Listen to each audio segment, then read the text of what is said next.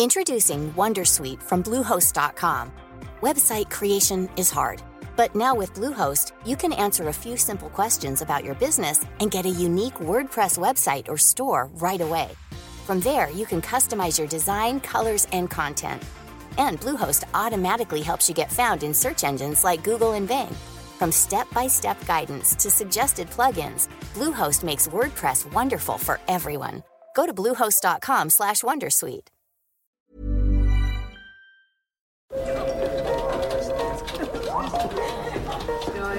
Dette er lyden av norsk næringsliv. Akkurat nå tas det små og store valg som kan bli avgjørende for fremtiden. Med økonomisystemet X-Leger tas disse beslutningene basert på informasjon i sanntid, slik at drømmer og ambisjoner kan bli virkelighet. Få kontroll og oversikt, gå inn på xledger.no. Denne sendingen er sponset av Xleger.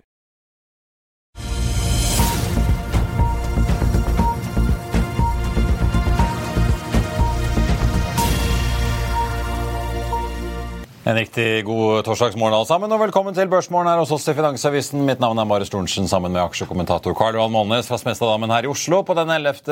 januar. Nordic Mining fikk til slutt dommen de hadde håpet på i går fra Oslo tingrett, men eh, var det noen som visste om dommen før andre?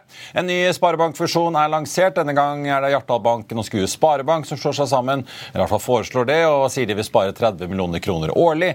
Amerikanske SEC har åpnet døren for bitcoin, eller i hvert fall ETF-fond som investerer i dem. Hunt Hunter Group har fått inn eh, over 120 millioner kroner i en emisjon for å satse videre i eh, tank, da til 1 krone 75 aksjen. 28% nesten under sluttkursen på 2,42 i går. Det kommer en reparasjonsemisjon også. Golar LNG melder om at skipet FLNG Gimi har ankommet Mauritania da man skal produsere LNG i 20 år. Og så er det to, nye finans, eller to jobbbytter og verdt å få med seg også. Det er ny finansdirektør i Norske Skog. De har utnevnt Tord Steinseth Torvund som ny finansdirektør. Han kommer fra fabrikken deres i Hall Halden fra og med da 1. mars, og han erstatter da nåværende finansdirektør Rune Solli, som har meddelt at han ønsker å fratre. Og så er det en ny toppsjef i Finner også. Turka Kusisto kommer fra det svenske postvesenet, altså Posti Group. Han erstatter Topi Manner, som går til teleselskapet Elisa borte i Finland. Ellers er det verdt å merke seg ting som skjer ute i den store verden nå. Tidligere New Jersey-guvernør Chris Christie annonserte i New Hampshire i går at han er ute av kampen om å bli republikanernes kandidat i presidentvalget senere i år. og han gjør dermed det tidligere visepresident Mike Pence gjorde. Christies exit eh, ses på av mange som en mulig boost for Nikki Haley i kampen mot den soleklare lederen på republikansk side så langt, Donald Trump. SAS fikk eh, banket gjennom eh, litt viktige formalia i restruktureringen sin i går i en generalforsamling i Stockholm. Nå er det en siste høring i domstolen i USA 8. mars som blir den neste viktige store datoen for flyselskapet, som altså får Air France KLM inn på eiersiden hvis alt går som det skal. Amazon kutter også jobber i eh, strømmetjenesten sin Prime og MGM Studios, i tillegg til da strømmetjenesten Twitch, som vi nevnte her i går. Og så er den store hendelsen på kalenderen i dag selvfølgelig da de amerikanske inflasjonstallene. Vi får bare minne om at de i november lå på 3,1 for KPI-en og 4 blank for kjernen. Så får vi se om Jerome Powell, sentralvalgsjefen, får noe lavere tall å glede seg over da klokken 14.30, når disse tallene kommer eh, i eh, ettermiddag. Og så er eh, Sokkeldirektoratet, tidligere kjent da som Oljedirektoratet, straks ute med sin årlige prognose- og oppsummeringsrapport kalt Sokkelåret. Den kommer klokken ti. Vi skal få med oss holdt jeg på å si, oljedirektøren, eller sokkeldirektøren, hva vi skal kalle han, i Økonominyhetene 14.30 i ettermiddag. I denne sendingen så skal vi etter hvert høre fra toppsjefen i oljeservicekonsernet Morel, som nå er solgt ut av Hightech Vision-systemet. På Oslo Børs er det ventet ventet en oppgang fra start på 0,3 av DNB, 0,1 av Nordnett. Vi så jo hovedveksten ende ned nesten 0,5 i går. På Wall Street var det positive takter. Dow Jones opp en halv, eh, litt bedre på SMP og Nasdaq opp 0,8. Asia ser veldig grønt og fint ut i dag. Opp halvannen prosent omtrent på Hang Seng i Hongkong og også Nikkei i Japan. Og det japanske aksjemarkedet ser ut til å feste som om året er 1990 i ordets rette forstand, hvis vi ser på indeksens verdi bakover i historien. Oljeprisen også opp nesten 0,8 eh, nå, til 77,20. Da skal jeg si god morgen eh, og velkommen, Karl Johan. Eh, skal vi kaste oss over Nordic Mining-dommen? For den kom vel kvart på seks i går kveld, etter børsen hadde stengt. Men den aksjen suste oppover eh, rundt sånn klokken tolv i går. Ja, Den steg med 10% og det var jo eh, tre ganger så høyt volum som vanlig. Så eh, jeg regner med det at uh, Finanstilsynet vil se på det. da. Så, jeg tror det er noen som har fått nyss i dommen, eller har bare begynt en eller annen sånn rå spekulasjon i en eller annen chatgruppe? De vil nok spørre, og da er det klart hvis at det du sitter så nær at du uh, må forklare det at du bare hadde flaks og sånn, så er jo det, det er jo unødvendig å gjøre det for så lite penger. da. Det er jo det er ikke så stor kursstigning, liksom. Det er 10 eh, øre på 43 millioner aksjer på en Så det, det, er jo ikke så stor gevinst. Men så spørs det da hvor mye aksjen stiger nå i, i dag da, eh, på dette her. Og eh, det er jo eh, det, det, er vel en venta avgjørelse. Eh, og det er jo en lang vei å gå ennå for et, eh, dette her eh, gruveprosjektet her. Men det, det, var jo et intervju med Ivar Fossum hos oss her på Økonominyhetene med Stein Ove Haugen i går ettermiddag, hvor hun gikk gjennom også alle de andre prosjektene de har planlagt. Da. Men nå er jo det full fart framover på Engebø-prosjektet, og vi får, vi får se hva som skjer. Og det med kurs, om kursmanipulasjon eller innsidehandel, det er noe som Finanstilsynet må se på. Det gjør de helt sikkert. Vi får uh, håpe og satse på det. Nei, jeg merket meg jo, uh, for Det er jo da, det var ikke en sak mellom Nordic Mining og miljøbevegelsen. Det var jo Naturvernforbundet og Tor Ungdom mot ja. staten pga. tillatelsen det er gitt til uh, deponi i fjorden der oppe og utslippstillatelsen som de tapte på alle punkter. Satt regjeringsadvokaten og konstaterte her på Dagsnytt 18 i går i en dom på nesten 100 sider sider. Jeg så Truls Gullofsen, leder i Naturvernforbundet, så han er skuffet over dommen og rasen over at de er blitt ilagt 1,4 eh, millioner kroner i saksomkostninger. På toppen av de rundt tre de sier de selv har eh, brukt, da, med regjeringsadvokaten, så har miljøbevegelsen har brukt altfor mye penger her i forhold til hva staten har gjort på advokater. Så de fikk jo et lite stikk i går, de òg. Ja. Nei, men det, det, er Sånne saker er jo vanskelige fordi at det er ikke noe en tøff avgjørelse. og, eh, det, og Hva som er rett og galt, det vet man jo ikke før i ettertid. Så nå skal man kjøre i gang, så får man se hvordan det går. Nei. Vi kan i anbefale Økonominyhetene fra i går ja, eh, til de som trenger en stor gjennomgang ja. av selskapet og hva annet de driver med, som du var uh, inne på. Jeg så jo Aksjen er vel på sitt høyeste nivå nå siden den uh, ganske saftige emisjonen på lav kurs i fjor. Ja. Men så ser det ut til at den åpner en opp 5-6 til ja, nesten kronen. 93 øre. Ja. Men det er klart, det, det var jo i veldig 2,50, nærmere 2,50 kroner 50 øre for en emisjon. Så ja. Så det, men det er klart... Ja, Emisjonen var på 70 øre, var den ikke det? Altså, var den 2,50 eller 60 eller 70 øre. 60 eller 70 øre. Og, eh, men det er klart, mange av pengene har kommet inn på 60 øre her, da, så de har jo 50 gevinst da, fra den emisjonen. Så det er jo en eh, det er en god dag for aksjonæren, men eh, slike gruveprosjekter er jo en lang vei å gå. og han hinta vel også frampå om det at han kunne vel ikke helt garantere at uh, han, selv om at de gjør alt de kan for å holde seg på budsjett og på kost, så uh, lever jo en tid hvor at man ikke har kontroll på alt. Det, ja, du tenker på Ivar Fossum, sjefen ja. i Nordic Mining. Ja, han sier at de ja. tror jo de har skaffet nok kapital, at de skal komme seg dit at produksjonen er i gang og inntektene kommer.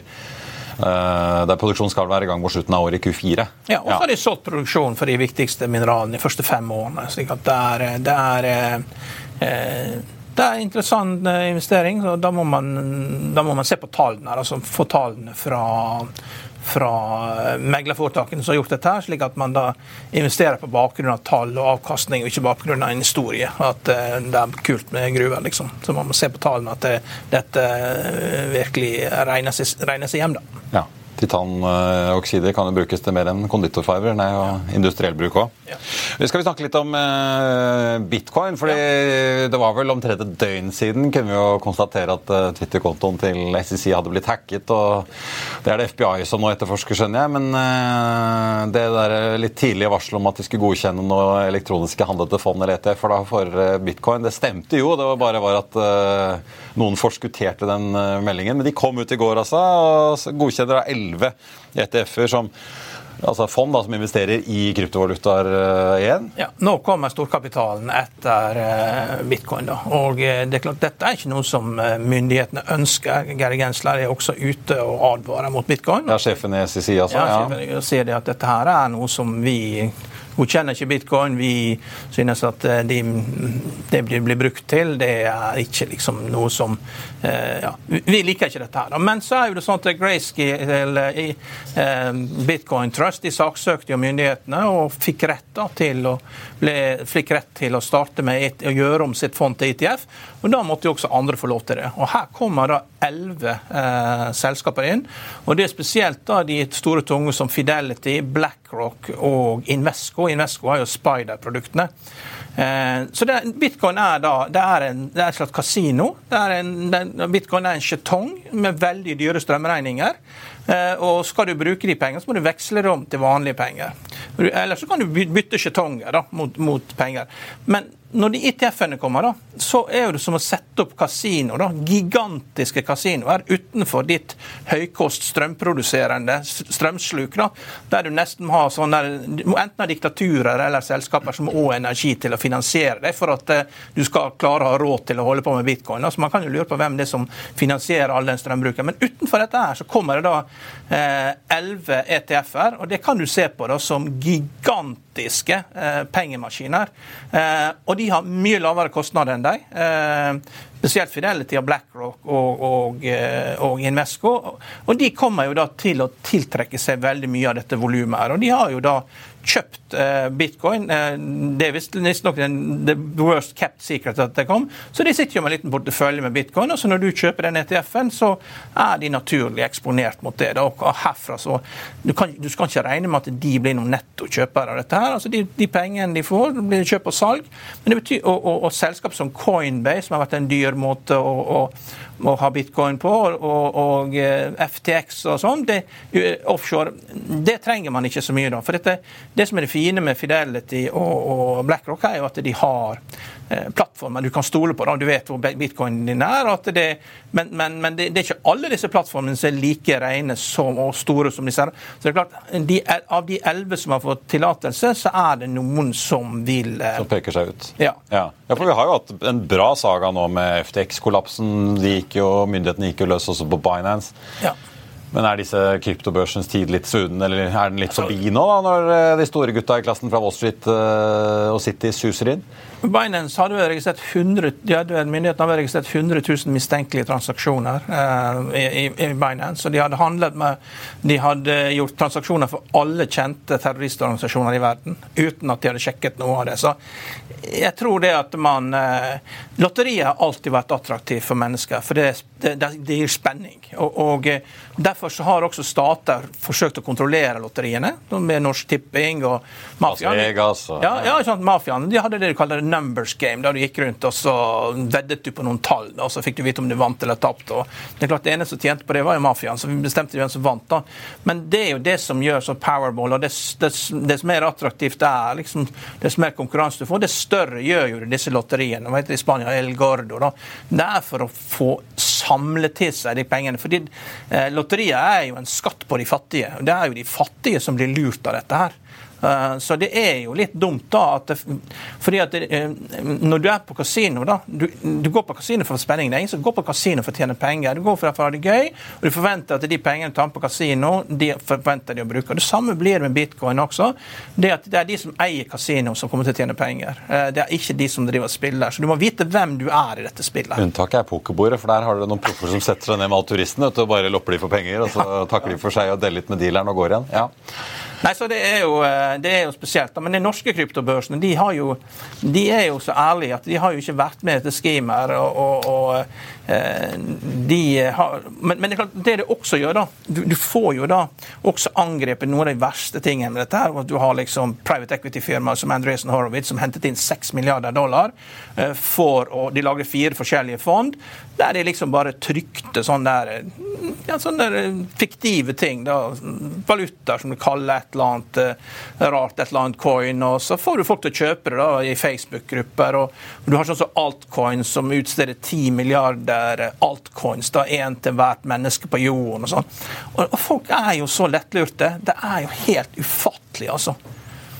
Vi får uh, se. Jeg merket meg også SSI, uh, Det er ikke bare bitcoin de kom med i går. De kom jammen med, med nyheter om SAP eller SAP også. Har siktet dem for Dette er stort programvarekonsern. Siktet dem for brudd på korrupsjonslovgivningen i en rekke afrikanske land her. De betaler nesten 100 millioner dollar for det for mellom da desember 2014 og, og januar 2022. Så det er ganske ferske greier. Skal de også ha brukt mellommenn og konsulenter til å betale penger for å sikre seg offentlige kontrakter i disse afrikanske landene. Det er en egen sak i Sør-Afrika. Dere skal betale ytterligere 120 millioner eh, dollar og gi fra seg 103 millioner dollar i overskudd. Og så ble de siktet i Panama i 2016 retten for en lignende sak. Er, er det SSC som har gitt inn boten? Ja, dette er SSC. Ja. Da, da, og meldingen går sikkert, i tillegg til disse ETF-ene. så Det er en lang smørbrødliste for SAP sin del her. Det ser ikke veldig pent ut. Nei, men Det er jo sikkert jubel i Tyskland når eh, amerikanske myndigheter bruker å gå løs på tyske bedrifter. Så er bøtene sjelden under 10 milliarder dollar. Ja. Så det er 200 millioner det er jo ikke så mye. da, så Det, det, er, det er, mange morsomme navn man sier om SAP, men jeg tror ikke vi skal gjenta det her. Det, Nei. Du får nevne at eh, Det er ikke bare tyske, svenske bedrifter som Telia har også fått eh, sin smekk av amerikanske myndigheter opp gjennom årene. Ja. Men uh, skal vi snakke litt fly også? for Hvis ja. ikke du har lyst til å sette pengene i bitcoin, så vet jeg ikke om det er så veldig mye bedre å sette det i Boeng, uh, som du skriver i dagens avis. Ja. Pill råttent. Ja. Vi har jo hatt en saga som rammet Norwegian og mange andre rett før pandemien med disse Max 8-flyene, den første varianten av Max-flyene som etter Ethiopian Air og Lion Air-ulykkene måtte settes på bakken. Så har disse Max 9, som er litt større, nå havnet i trøbbel. Satt på bakken igjen pga. disse løse boltene på disse pluggdørene som eh, settes inn istedenfor nødutganger når man ikke har så mange seter. Eh, Dave Calhoun, sjefen i Boeing, var på intervju på CNBC i går. Eh, han så litt medtatt ut. Ja, de har ikke kontroll med produksjonsprosessen. Når du må gå ut på TV og, og, og si det at nå skal du begynne å innhente informasjon på hva som har skjedd så er ikke det flyindustrien verdig. Du, jeg vet jo du kan masse om fly, Marius. Du, det er A-sjekk, og det er B-sjekk, og det er C-sjekk og D-sjekk. Når du kommer til D-sjekken etter, etter, fem år, typisk fra fem år, da, så, og det gjøres, skal gjøres da minst hvert sjette til tiende år, men etter fem år så, så tar du fra hverandre det hele flyet. Og det, det koster én million dollar å ta det fra hverandre og sette det sammen igjen. Så det er jo en overkommelig kostnad da, å sette sammen et fly når du har alle delene der. Men når Boeing, da, som har produsert alt sjøl, når du da har hatt en ledelse som har vært finansielt motivert, som kommer fra GE Capital, de har sittet i styrene, navn som liksom James McNerney, som var CEO fra 2005 til 2015, disse kom jo fra GE Capital Aviation, som var en av de største kundene. ja, for det var jo et veldig ingeniørdrevet selskap. Litt ja. som Mercedes var på en måte ja. før slutten av 90-tallet, hvor det var liksom vi bare bygger det beste. Ja. Punktum, så får det koste hva det vil. Men så begynner det med at du skal liksom begynne å outsource. Du skal begynne å du, du outsource ting. Og, og, så kommer jo det også det at du får konkurranse. Det, det, det er jo spesielt Airbus som, som driver dette vanlig. For Airbus sine fly eh, har, jo, jo har, jo, vært mer smooth, og, og, spesielt på de store flyene. På de store flyene så betyr ikke det mye, for det, er ikke så store volumer. Men det er klart når du har laget 10 000, uh, solgt 10 000 Boeing 737-er, så kommer Airbus med et fly som er uh, lettere og mer fuel efficient og mer smooth og tjener mer penger, så får de panikk. ikke sant? Og så begynner de å omkonstruere. og de, de, de, vet ikke helt hvor de skal plassere flymotoren, og du må forlenge flyet fordi at det er optimal Du går liksom fra å ha en Eh, din, dine viktigste kunder er lavprisselskapene. Og det betyr hver eneste krone. Ja, Det er vel Ryanair og Southwest ja, som er halve Boeing-butikken. Om å gjøre å få dette opp til 199 seter, for det, da kan du ha tre flyvertinner. Med en gang du har 200 seter, så må du ha fire flyvertinner. Så det der, den forlengelsen da, fra 124 til 199 seter, og, og nye materialvalg, og, og, har gjort at de rett og slett eh, må ha gjort feil i enten konstruksjonen av flyet eller i, i, i kommunikasjon mellom software og hardware. Og Når du da har en eh, organisasjon der at du har da desentralisert produksjon, du, du har mista kontrollen, så oppstår sånne feil som dette her. Og Det store paradokset er jo at Airbus og det, det var jo alltid sånn med amerikanske investorer når de reiser rundt, liksom, Hvorfor kan ikke Europa ha mer enn ett? Altså Airbus er jo et fantastisk firma. Og, og, du slår jo liksom USA på det, det, USA har vært best på. Da. Det er jo eksport av fly og farmasi. Og du også knuser altså USA på, på, noe av det de har vært, noe eneste de har vært gode på eksport i. Og hvorfor kan ikke Europa eh, liksom ha flere selskaper. Hvorfor kan ikke du ha i forsvarsindustrien ha et Airbus? Nei da, men da, klart da, og, det, og Airbus er jo eid av eh, 80 eid av Spania, Tyskland og Frankrike. Og britene har 20% og så har hovedkontoret i Nederland. Og I tillegg så har de vært så pragmatiske at de har latt amerikanske Palantir, som er et av de software-selskapene som er nærmest myndighetene i USA, styre materialflyten i selskapet. Og det er jo, når du går og ser på Palantir-videoer, eh, CEO konsernsjefen der, han drar jo fram eh, Airbus som sin primærkunde. Og det gjorde jo at Palantir da, når første gangen eh, eh, Boeing fikk problemer med Maxene, så var jo det fordi at de hadde selvsertifisert flyene. Så kom Federal Aviation Administration inn, og så kom Palantir inn og, og, tok over den delen av programmet som de skal gjøre for sertifisering av flyene. Men det hjelper jo ikke å sertifisere flyene når, kom, når flyene kommer med løse skruer. Så det er et eller annet som er helt feil her. ja, for det, det, Hun var ganske åpen på at her er det en kvalitetsissue. Uh, man vet jo ikke helt om det er Spirit Aerosystems, underleverandøren, eller Boeing sin feil, men de har jo funnet løse bolter i andre fly også, hos Alaska Airlines og United, som er de to store kundene av denne flytypen. Det er Boeings feil, for Boeing har ansvaret for En ting er jo sammen. designet, det så vi jo litt med Max 8-problemene, ja. men uh, det er jo også gjennomføringen her. og Det er jo ikke bare Max-flyene hvor det har kommet historier om litt av hvert som folk har funnet ja. inn i hulrom i flyene. Det hørt. Nå var det noe Dreamliner eller hva det var, man fant noen lommelykter fra ja. fabrikklinjen ja. inni noe hulrom på et ferdig levert fly. og Det er jo i en bransje som er så rutinert. Ja. Og, eh, og, god på sikkerhet med så mye systemer og rutiner som du er på. En ting er vedlikehold, men det daglige òg så må jo folk rive seg i håret når de hører hva som skjer eh, borti Everett og South Carolina holdt jeg på å si, hos Boeing. Men, men, det er klart at det, Boeing er altfor stort og, og feil totalt. De har flyttet hovedkontoret fra Seattle til Chicago og så til Al Arlington og Washington. Så, eh, og, og, Årsaken til det er jo at halvparten av firmaet er jo Forsvaret. ikke sant? De leverer jo til Forsvaret. Men, men, og der er jo ikke rapportert noen problemer, for det er jo et, det, det er jo et annet sett av utstyr og, som, og, fly som leveres.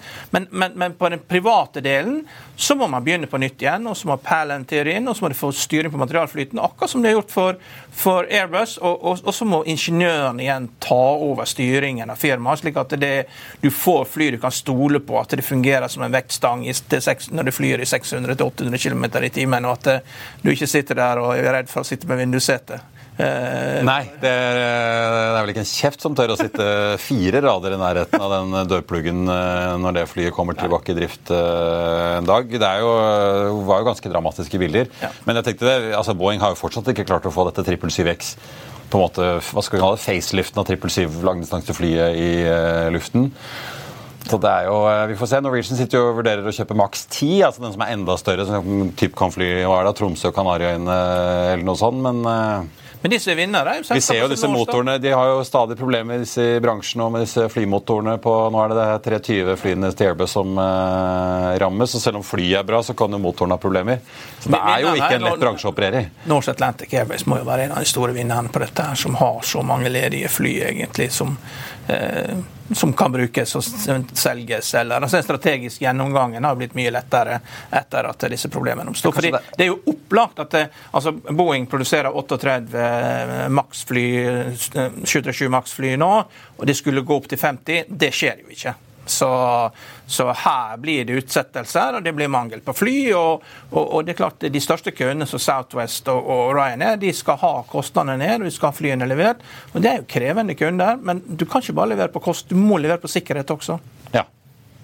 Er, uh, vi får se. Kanskje det er United eller uh, Alaska som uh, er interessert i Bjørn Tore Larsen. eller kanskje i hvert fall sysselsette flåten hans. for å steppe inn med store Dreamliner som kan frakte amerikanere og canadiere rundt omkring i Nord-Amerika når disse andre maks niende står på bakken. Ja, også når du ser på tallene til, til Boeing også, de er jo helt katastrofale. Det, jo, det ser ut som det fortsatt er korona, altså.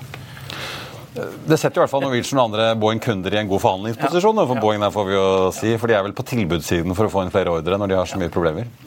Uh, supert, Karl Johan, takk skal du ha. Jeg tenkte bare å nevne hovedindeksen Porsgrunn Børs starter opp 0,2 eh, i dag. Setter vi at vi holder oss over 1300 poeng så vidt, så det kan jo ende under her i dag. Norske Skog så vidt opp med meldingen om en ny finansdirektør.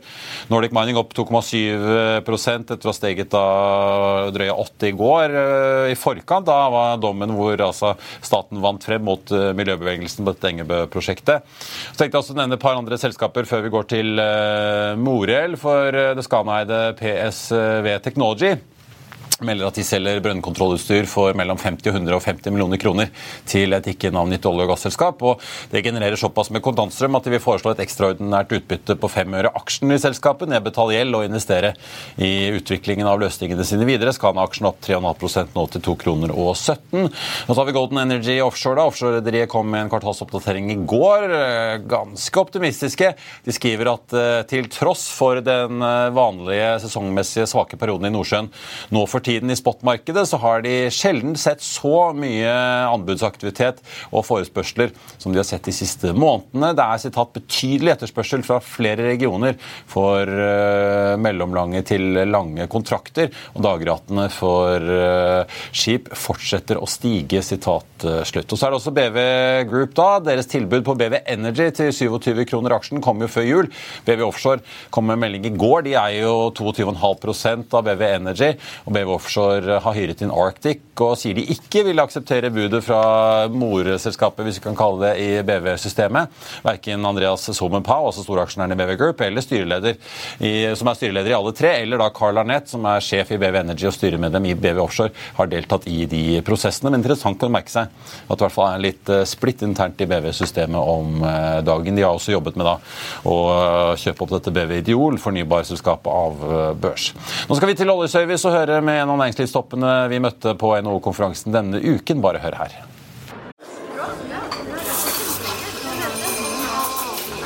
Dette er lyden av norsk næringsliv. Akkurat nå tas det små og store valg som kan bli avgjørende for fremtiden. Med økonomisystemet X-Leger tas disse beslutningene basert på informasjon i samtid, slik at drømmer og ambisjoner kan bli virkelighet. Få kontroll og oversikt, gå inn på xledger.no. Denne episoden er sponset av van Brun, en fremtredende smykkeforhandler kjent for sitt brede utvalg av forlovelsesringer, gifteringer og diamantsmykker som bæres og elskes i generasjoner. Et frieri er en av de største øyeblikkene i livet, hvor forlovelsesringen er et tidløst symbol på kjærligheten. Valg av ring krever omtanke for både hvilket metall og diamant, med et bredt spekter av både naturlige og labdyrkede diamanter, og metaller som platina, gult gull, hvitt gull og roségull, hjelper de deg med å sette et personlig preg på din kjærlighetshistorie. Van Brun vil gjerne invitere deg til å prøve på tre av dine favorittringer fra nettsiden helt kostnadsfritt. Du kan også låne et bredt spekter av frieriringer, slik at du og din forlovede kan velge en ring sammen etter det store ja. Van Brun tilbyr 90 dagers åpent kjøp og 90 dagers gratis størrelsesjustering. Utforsk deres eksklusive sortiment i luksuriøse omgivelser. Bok en konsultasjon sammen med en diamantekspert i deres showroom i Oslo. Eller online på vanbrun.com. V-a-n-b-r-u-u-n.com. Da skal vi snakke oljeservice og leverandørindustri. For denne uken ble det klart at eh, PFA Hightech Vision i Stavanger altså selger oljeservice- og leverandørkonsernet Morel til bl.a. McIntyre Partners. Med meg nå toppsjef og konsernsjef i Morel, Geir Austegard. Velkommen og godt nyttår. Takk for det. like måte, Jan. Du, eh, Ole Ertvåg, eh, Hightech Vision var jo ganske åpen og ærlig på det. De har ikke tjent noe eh, på dette. Vi må jo ta med litt av historikken om Morel, da, for Hightech hadde jo mange oljeservicesatsinger. Så kom oljebremsen. De satte alt dette sammen i Morel, som dere har jobbet ganske lenge med for å på en måte omstrukturere og få opp på bena igjen. Hvordan, hvordan, føles det nå? Er det litt sånn ok, nå må vi bare komme oss videre og gjøre det beste ut av det i et marked som tross alt ser litt lysere ut, eller hvordan ser dere på dette eierskiftet? Eh, jeg ser at dette her er et uh, sunt eierskifte. Hightech Vision har satt lenge inne. og de og De har egentlig satt en sluttdato på at i, i år, eller i 2023 så skulle de ut av Morell.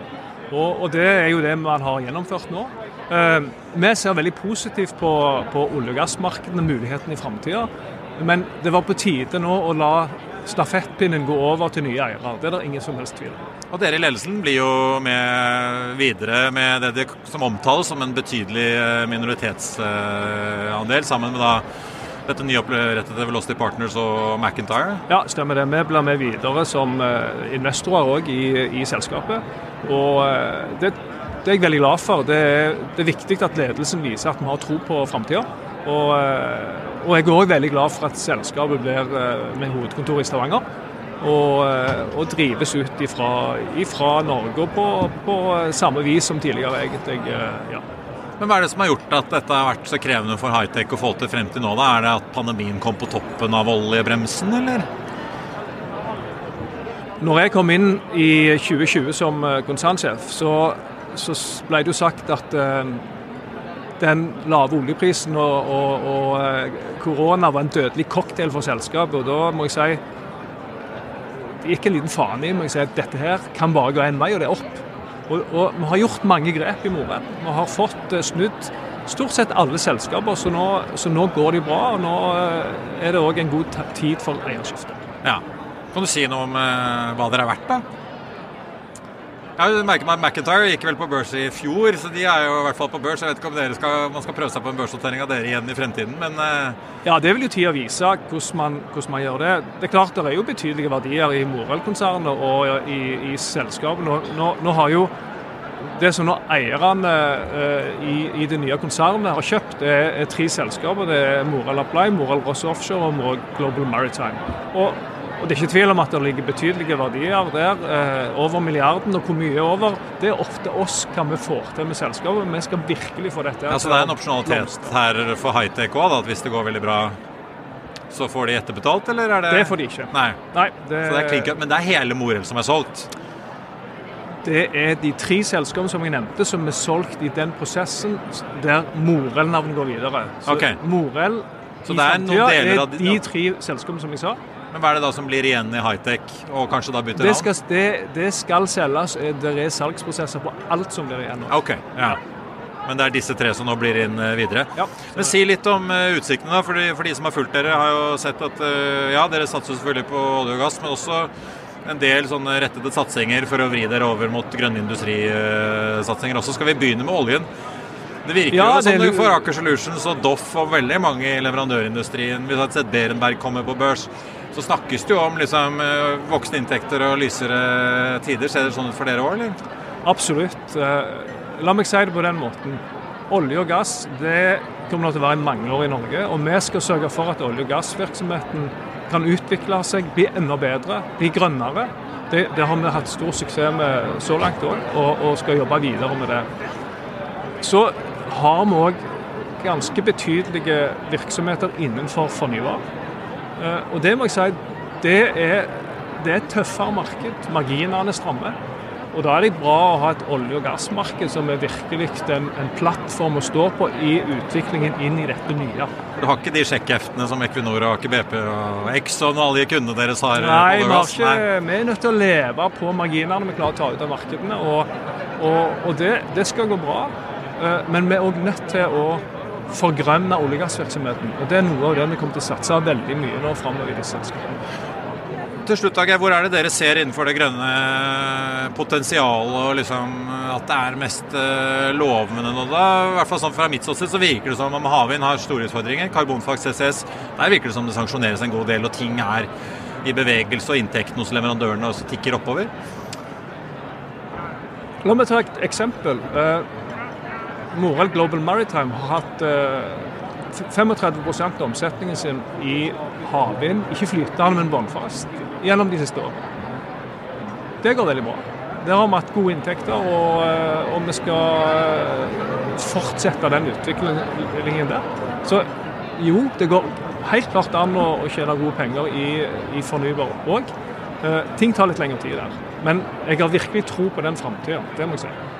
Til slutt er det sånn at vi nå vil se dere gå inn i dette McIntyre-systemet i en tre-fire-fem år og kanskje gjøre comeback som et uh, forvandlet grønt leverandørkonsern om noen år?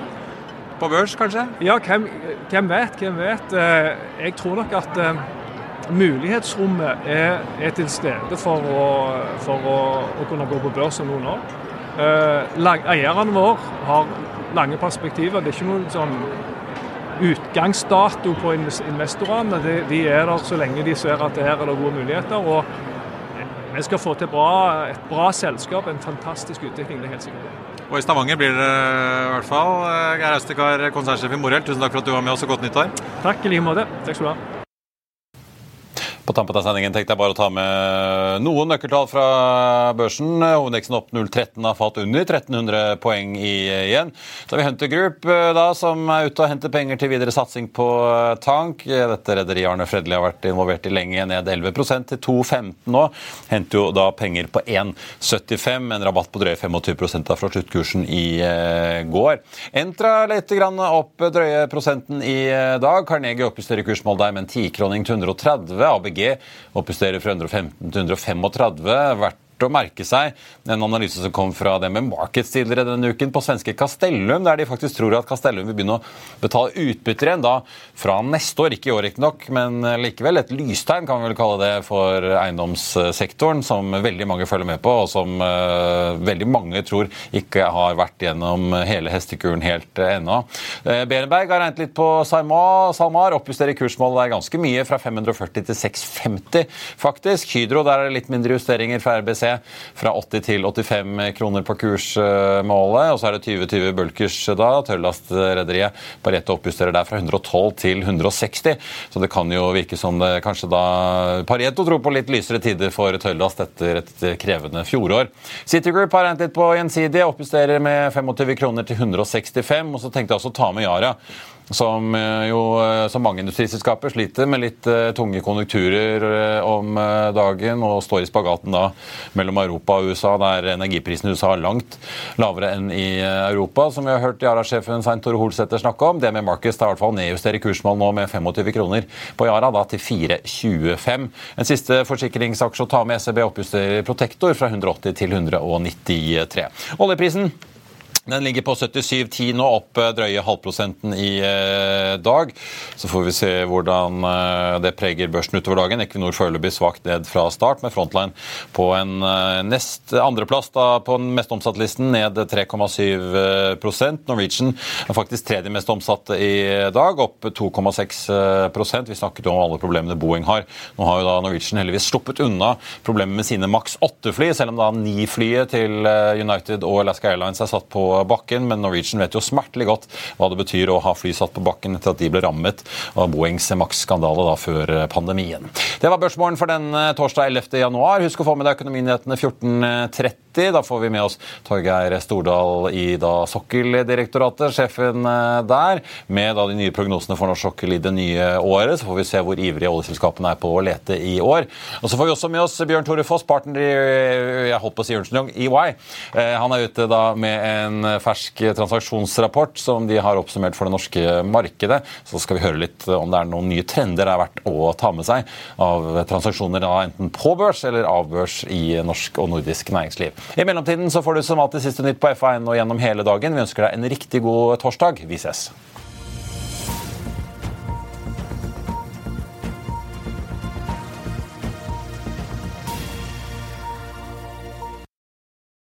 Denne sendingen er sponset av Xleger.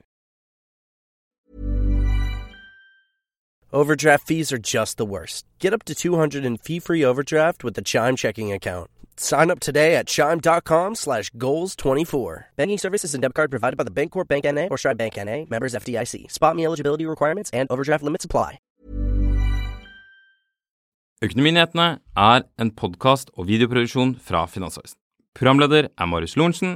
Aksjekommentator er Karl Johan Molnes. Produsent er Bashar Johar. Podkast- og videoansvarlig er Marius Mørk Larsen. Og ansvarlig redaktør er Trygve Hegnar.